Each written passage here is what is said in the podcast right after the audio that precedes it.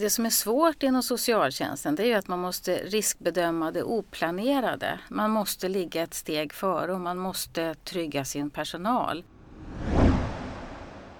Du lyssnar på Chefspodden med mig Hanna Broberg och idag ska vi prata om hot och våld. Erfarenhet. Styrning. Administration. Lyhörd. Kompetens. Underskott. Tillgänglig. Kommunikation. Motgång. Förtroende. Ansvar. Coachande. Rättvis. Konflikt. Tillit. Arbetsmiljö. Ledarskap.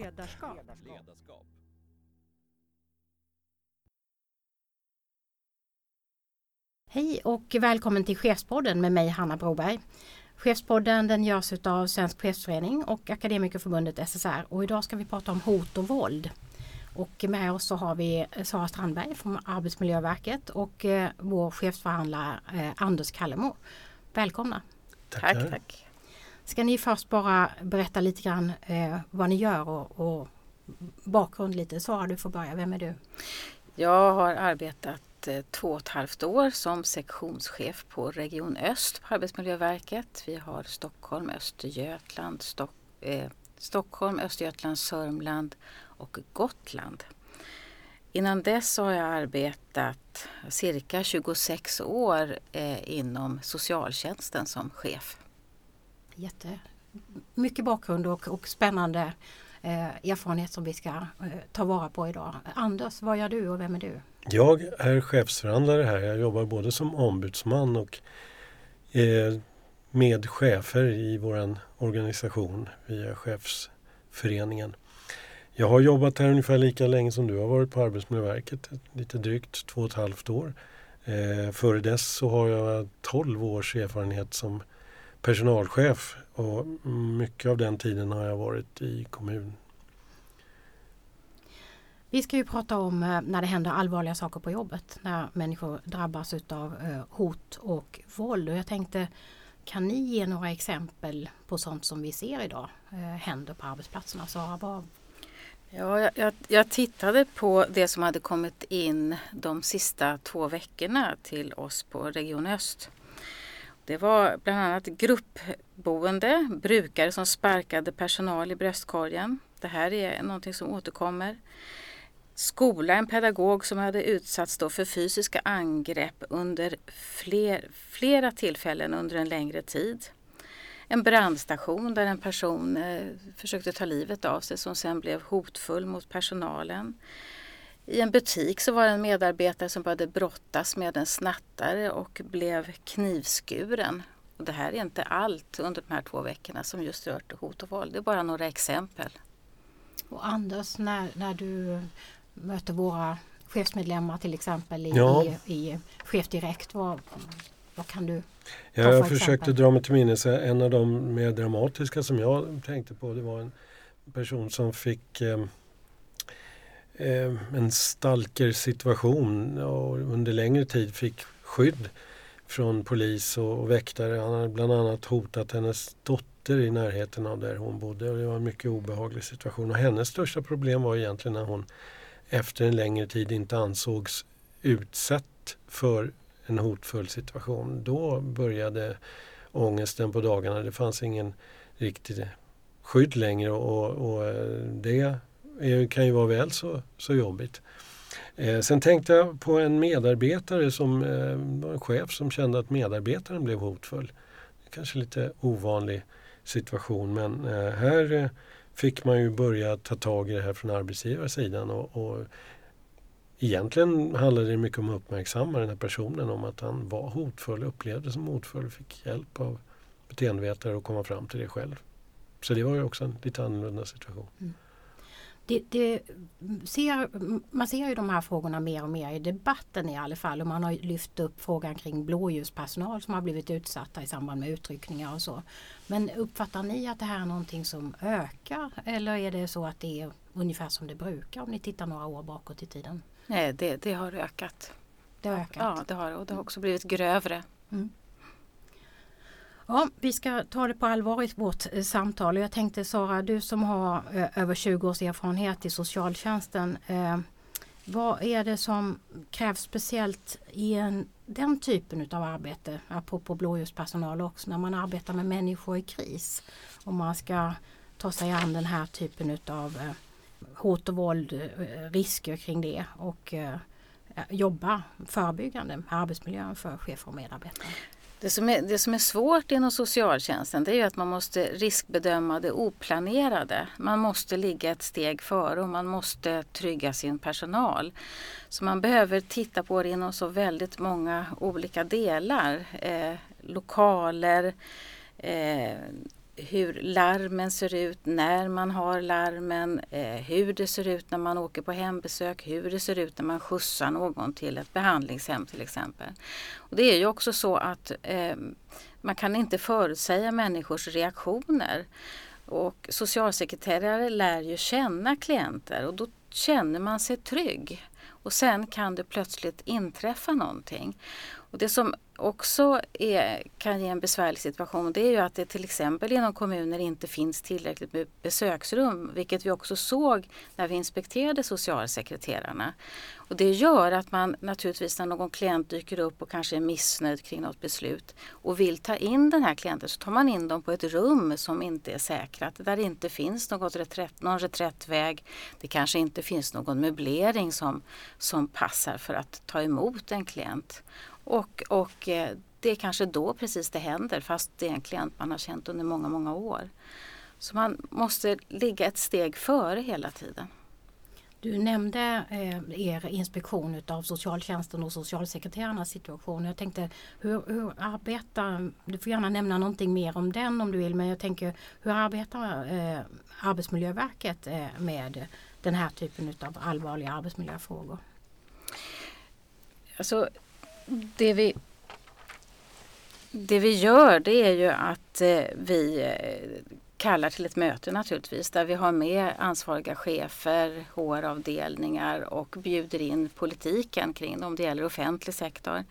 Vi har ett första förmöte tillsammans med dem och frågar på vilket sätt man bedriver ett systematiskt arbetsmiljöarbete. Sen när det gäller socialsekreterartillsynen så träffade vi ju grupper utav socialsekreterare för att höra, kände de till eh, de här rutinerna överhuvudtaget? Vilket det kom fram att det gjorde man inte. I varje fall i väldigt liten utsträckning. Eh, så vi har träffat, jag tror att det var ungefär 1800 socialsekreterare över hela landet. Och sen återför vi det här till arbetsgivaren och skickar sen ut ett inspektionsmeddelande där vi skriver om vilka brister vi har sett och vilka eh, krav vi ställer att man ska förändra. Och får vi inte tillräckligt bra svar där som man kan säga så eh, eh skickar vi ut en underrättelse kring det och då kan det ju alltså bli så att man eh, skriver sedan ett beslut med vitesföreläggande. Vi kan komma tillbaka lite till vad man då eh, som arbetsgivare kan hitta för typ av rådgivning och så också sen. Men, men jag tänker nu, nu gav du lite exempel från eh, inspektionen som ni hade gjort. Eh, är, är, din bild liksom att man är tillräckligt rustad ute på eh, arbetsplatserna? Eh, att, att man är väl förberedd och att man har rätt kunskap och så eller? Nej, Nej. det är inte min bild att det Nej. är så. Utan man har eh, i bästa fall eh, dokument kring det. Men det är, det är inte spritt bland personalen. Och tar vi socialsekreterare så i, intervjuade vi också konsulter som var inne i socialtjänsten och i många fall så kanske man hade åkt på sitt första hembesök utan att ens veta om att det fanns larm. Mm. Anders, din, din bild liksom eh, när du lyssnar på våra chefsmedlemmar som hör av sig. Är de tillräckligt kunniga? Är de rustade att jobba med det här? Eh, eller söker de kunskap när de kontaktar oss? Jag tror att det kommer fram snarare när jag pratar med våra medlemmar som inte är chefer. Där, eh, nu är ju vi i en situation där vi ofta får eh, saker som inte fungerar, situationer som inte fungerar. Så där finns det ju många det exempel på det. Det är då man ringer till sitt mm. fackförbund. Jag kan ju höra på chefer mer eller, hur, om de kan det här mer eller mindre. Men vad jag skulle vilja säga är att det här är helt och hållet en fråga om kunskap och ambition. Det är inte svårt att få reda på vad man ska göra idag. Det finns massor med erfarenhet, det finns kunskap, inte minst på Arbetsmiljöverket. Man kan prata med Prevent som är vår partsgemensamma utbildningsorganisation, expertorganisation. Sunt arbetsliv är en sån eh, utbildare och hemsida och så vidare. Så att kunskaperna, eh, arbets, eh, företagshälsovården hör jag på att glömma också. Kunskaperna finns där. Och det hänger ju nära ihop med arbetsmiljöarbetet i stort. Har man en ambitiös HR-avdelning som kan det här, en personalchef som vill det här, har man chefer i ledningsgruppen som tar sitt fulla arbetsmiljöansvar, då jobbar man systematiskt med de här frågorna.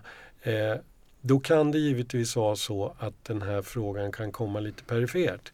Eh, du pratar om socialförvaltningen och socialt arbete, där är den ju väldigt aktuell. Så ambitiösa arbetsmiljöexperter jobbar ju mycket med att eh, precis det du var inne på, att man sitter rätt, att man har larm, att man är, kan det här, att man har övat och vet vad som händer. Men jag skulle nog säga att det är många andra delar av en organisation som kanske inte tänker på att det här kan vara, vara påtagligt. Som inte är lika förberedda. Nej, om man tittar på... Min erfarenhet är ju nu ifrån kommunal verksamhet. Jag har jobbat en del privat också men om jag ska ur mitt personalchefsperspektiv se att man satt på ett ledningskontor, på en kommunledningskontor.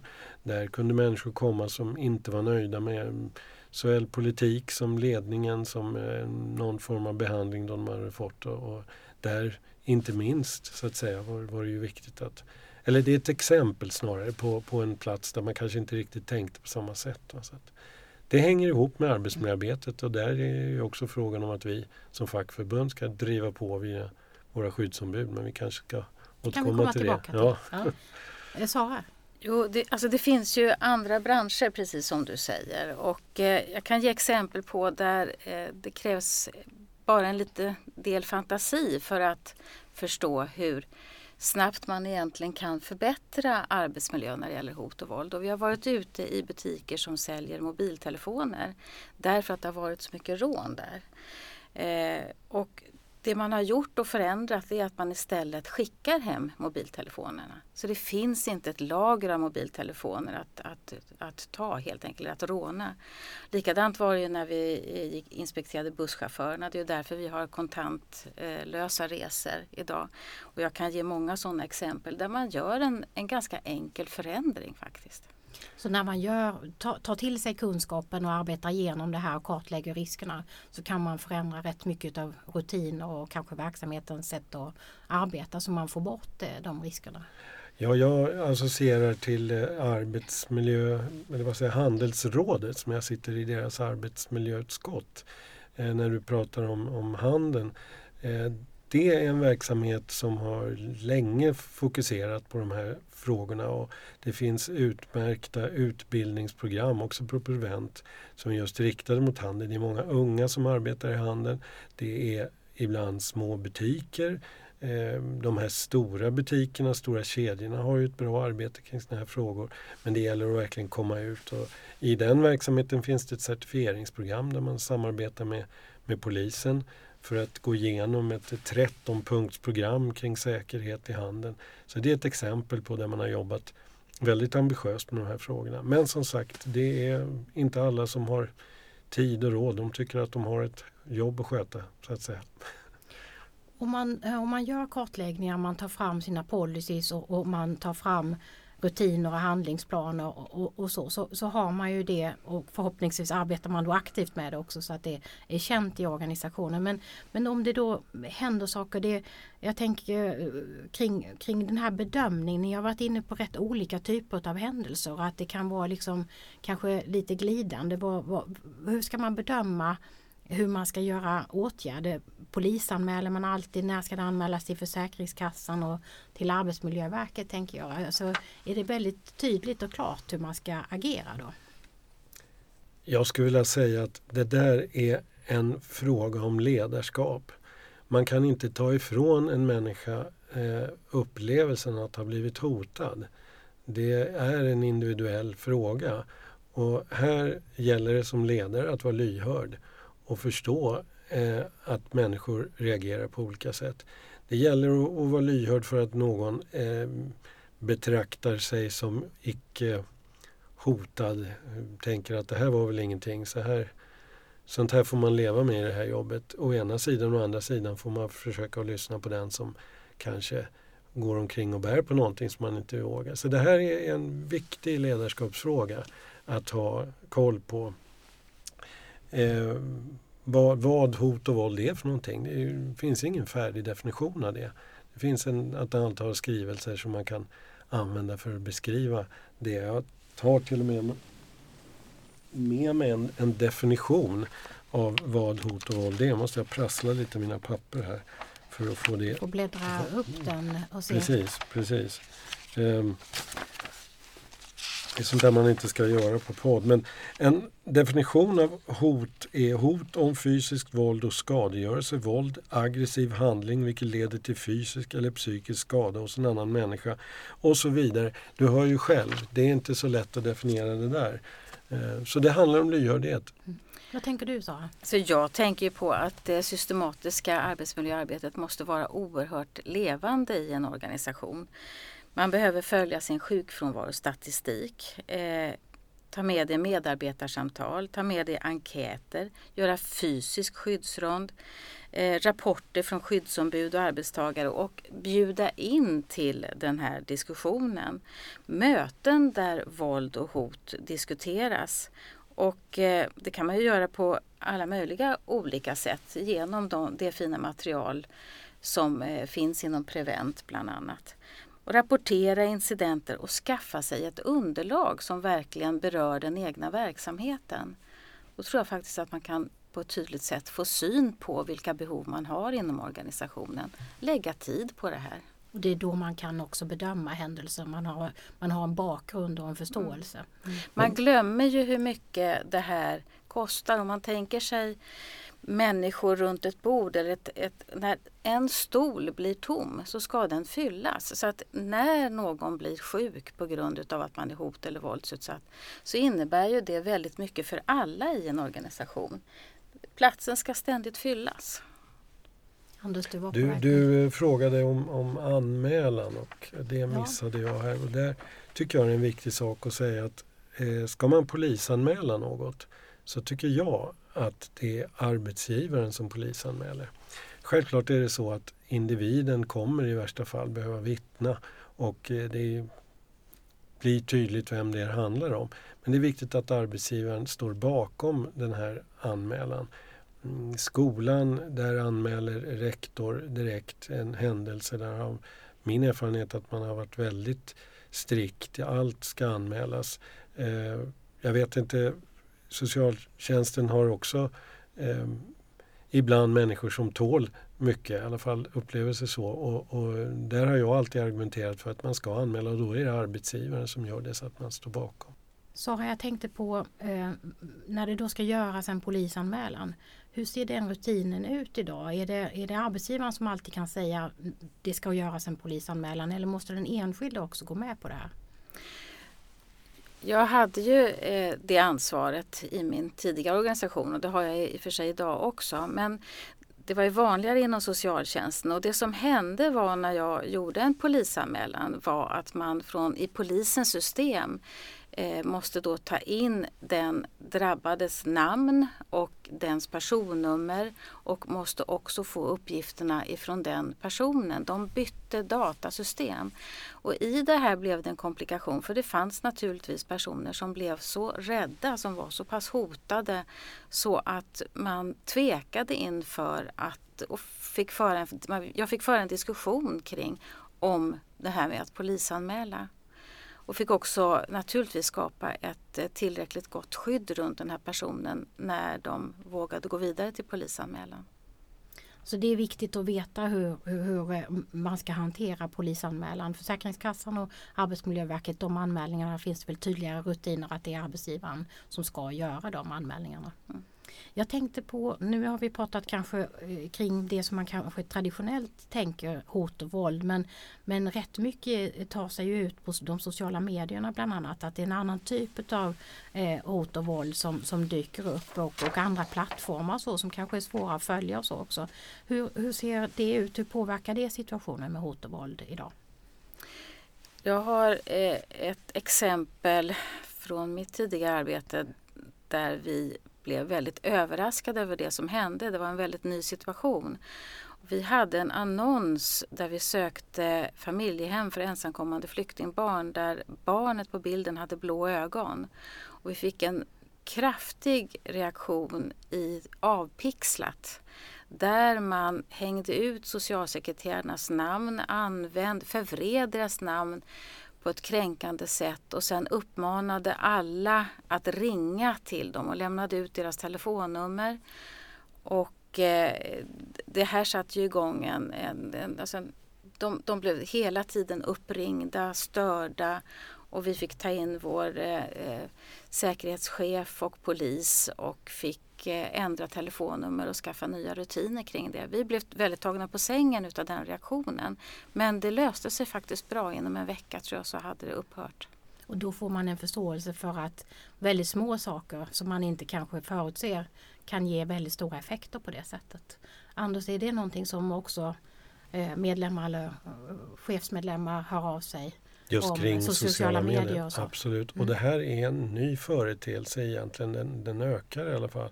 Och det är inte väl eh, planerat ofta ute i organisationerna för hur man ska ta hand om det här. Det finns inte riktigt samma kunskap som annan. Vi har tittat på två hemsidor som jag skulle kunna rekommendera.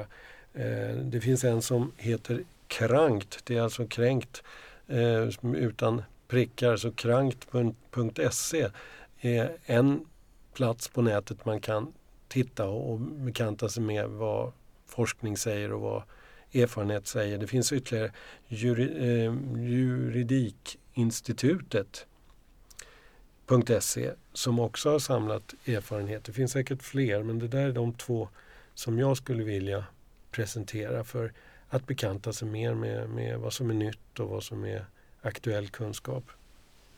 Jag tänkte komma in på om man då inför eh, kloka rutiner och man börjar prata om detta så för en del kanske det här innebär också lite krångligare system.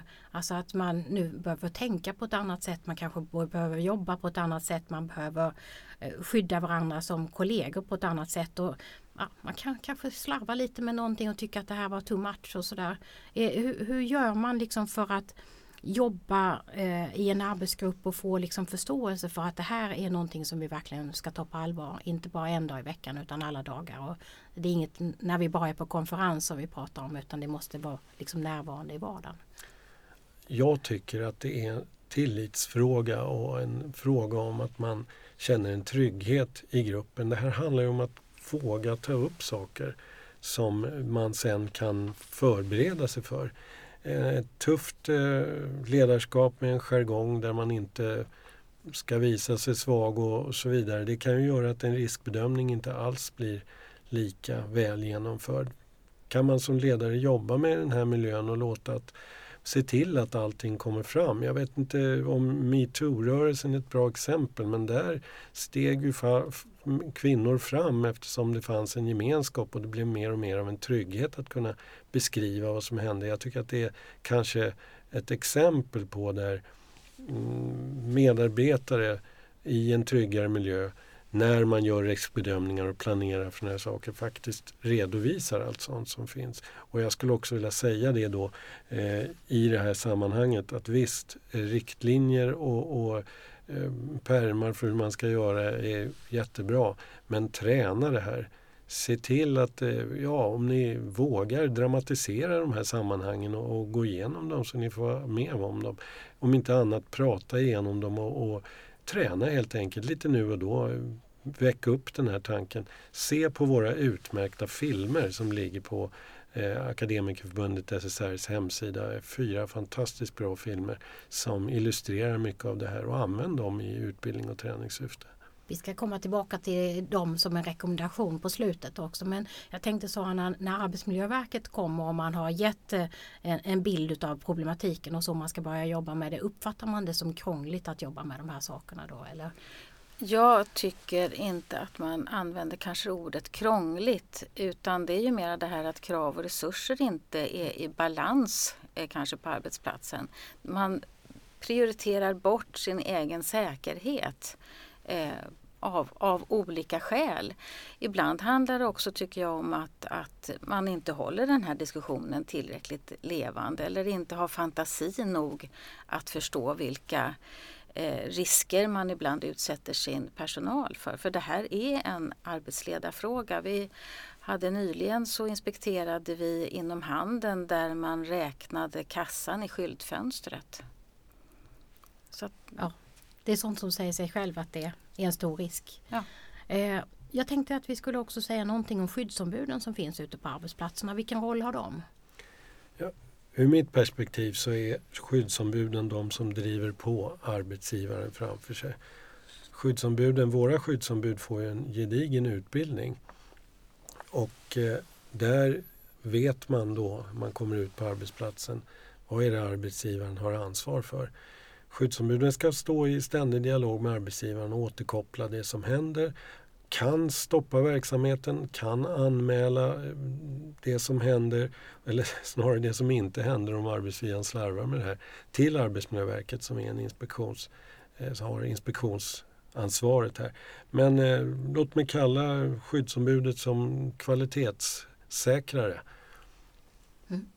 Om man, om man som chef känner att man inte har tillräcklig kunskap då tänker jag ibland så ringer det ju chefer och säger att ja, jag har inte rätt förutsättningar eh, och, och eh, inte rätt kunskap kring detta. Vad kan man, och en del vill lämna tillbaka sitt ansvar, eh, den delegation som man har. Men, men vad är rådet då från dig Anders i det läget till våra chefsmedlemmar? Jag tycker det är seriöst att prata med sin egen chef om att man inte kan ta arbetsmiljöansvaret om man inte kan det här och då borde det vara en signal till den överordnade chefen att snabbt se till att utbilda chefen i fråga. Den, känner jag mig osäker så ska jag ju skaffa mig en kompetens. Det ligger i mitt ansvar som chef. Det finns kompetens där ute. Det gäller att sätta sig ner och, och prioritera.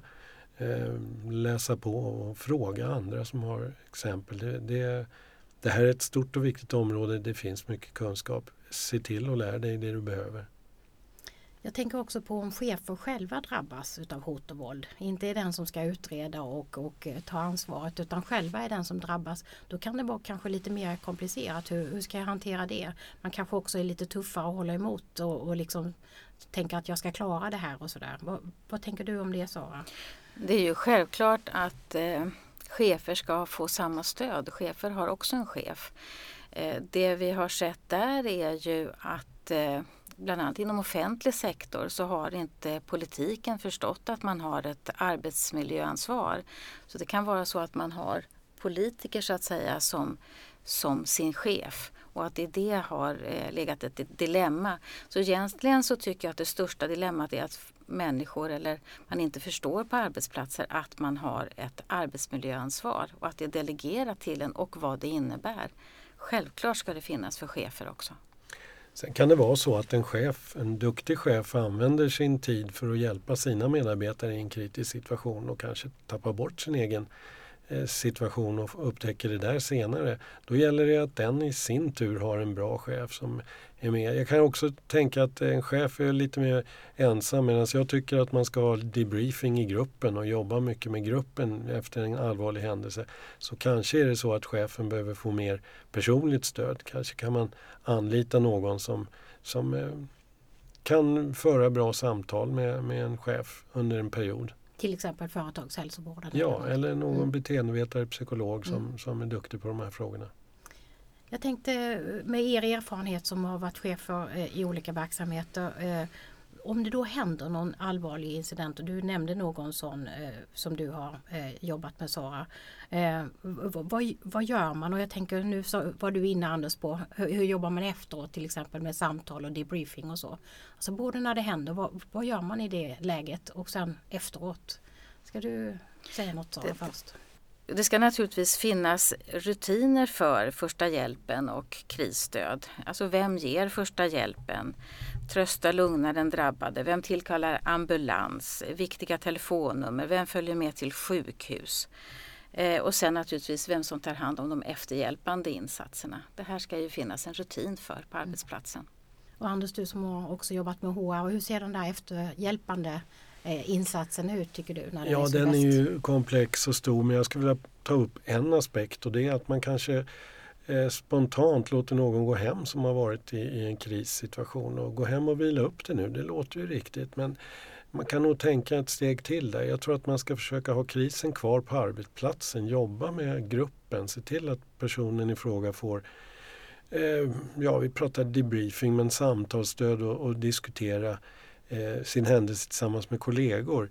Eh, låt ar, eh, arbetsplatsen vara en och hemmet för vila kanske är en annan miljö så att säga. Så man inte tar med sig det här jobbiga hem. Ja, det gör man ändå. Men vad jag menar är att behåll krisen på jobbet och jobba med hela gruppen där. Jag tänkte vi skulle avsluta med eh, kort eh, kan jag säga att på Akademikerförbundet SSRs hemsida så finns det så man kan ladda ner en eh, folder, en, en broschyr om hot och våld som ger mycket råd och en del av det ni har pratat om finns med i den. Men jag tänkte att vi skulle vara lite filmkritiker också. Vi har gjort fyra filmer som jag vet att du har tittat på Sara och kanske använt lite också. Kan du säga någonting om de här fyra filmerna där det dramatiseras olika händelser om hot och våld som man kan åka ut för? Jag tycker att eh, filmerna, först är de väldigt välgjorda naturligtvis, men det jag vill också säga det är att de är användbara eh, vid diskussioner på arbetsplatsen, på arbetsplatsträffar eh, kring till exempel det här om man råkar ut för en stalker.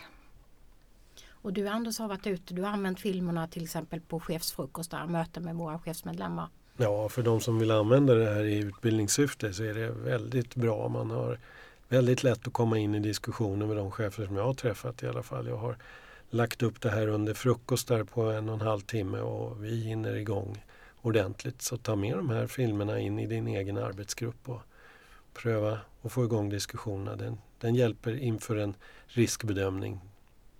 Tusen tack till Sara Strandberg och Anders Kallemo eh, för samtalet kring hot och våld. Och vi eh, säger också till dig som har lyssnat, behöver du höra av dig, få mer information eller råd så ring chef direkt på 08 617 44 00. Tack, hejdå!